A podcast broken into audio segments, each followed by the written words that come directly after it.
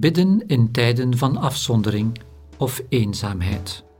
Zorg dragen voor onszelf.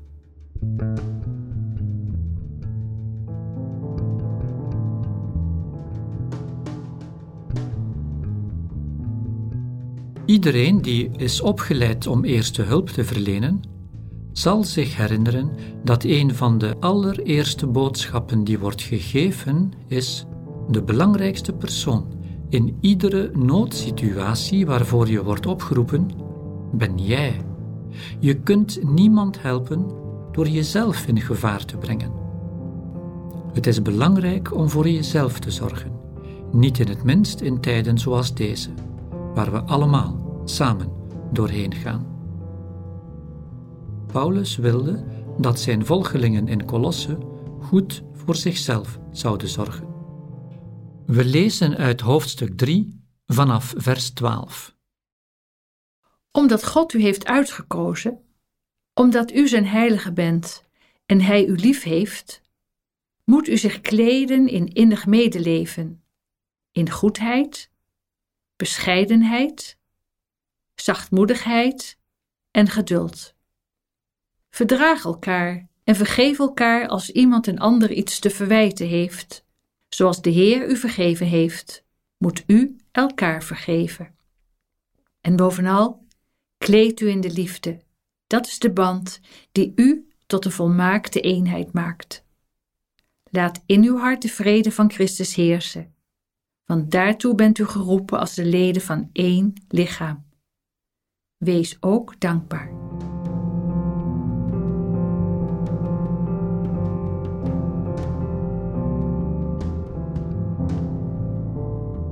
Woorden als deze herinneren ons eraan dat we in deze periode, hoe moeilijk het ook is, toch een aantal mogelijkheden hebben waar we met z'n allen het beste van kunnen maken. We zullen groeien in barmhartigheid als we meevoelen met degenen die lijden. We zullen groeien in vriendelijkheid als we de kans grijpen om kleine dingen te doen voor onze buren die het verschil kunnen maken. Onze nederigheid zal zich verdiepen als we ons maar voldoende bewust zijn van onze gemeenschappelijke kwetsbaarheid en onze afhankelijkheid van elkaar en van God. En ons geduld kan groeien als we binnen blijven, ook al worden we ertoe gedwongen om dat te doen.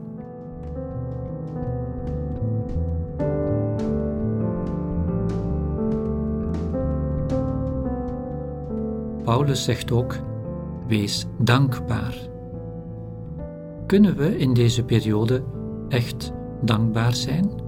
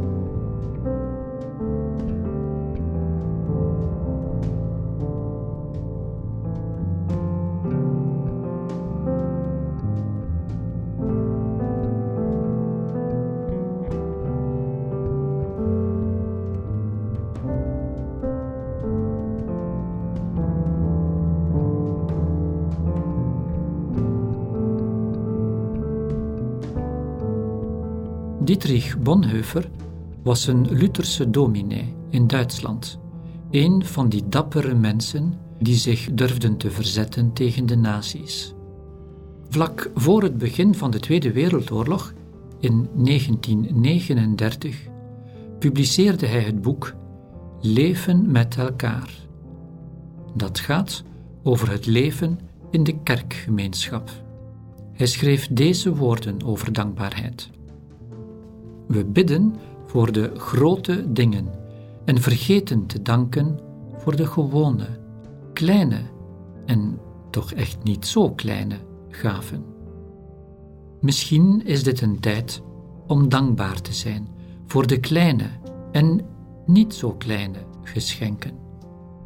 Voor de liefde van de familie, voor de zorg van de verzorgers, voor iedereen die herstelt van het virus, voor het eten op de tafel, voor het licht in de lucht, voor dat stukje muziek op de radio.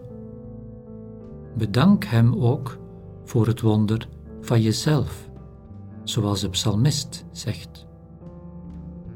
U was het die mijn nieren vormde, die mij weefde in de buik van mijn moeder. Ik loof u voor het ontzaglijk wonder van mijn bestaan. Wonderbaarlijk is wat u gemaakt hebt. Ik weet het tot het diepst van mijn ziel.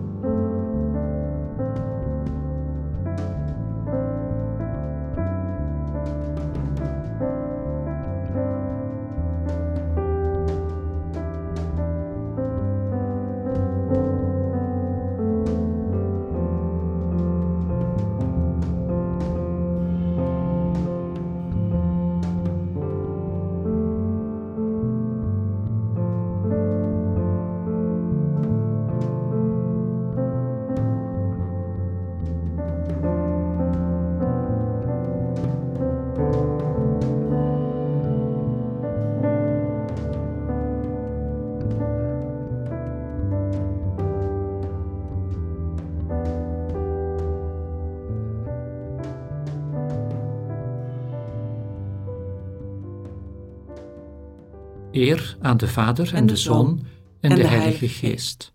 Zoals het was in het begin, en nu en altijd, en in de eeuwen der eeuwen. Amen.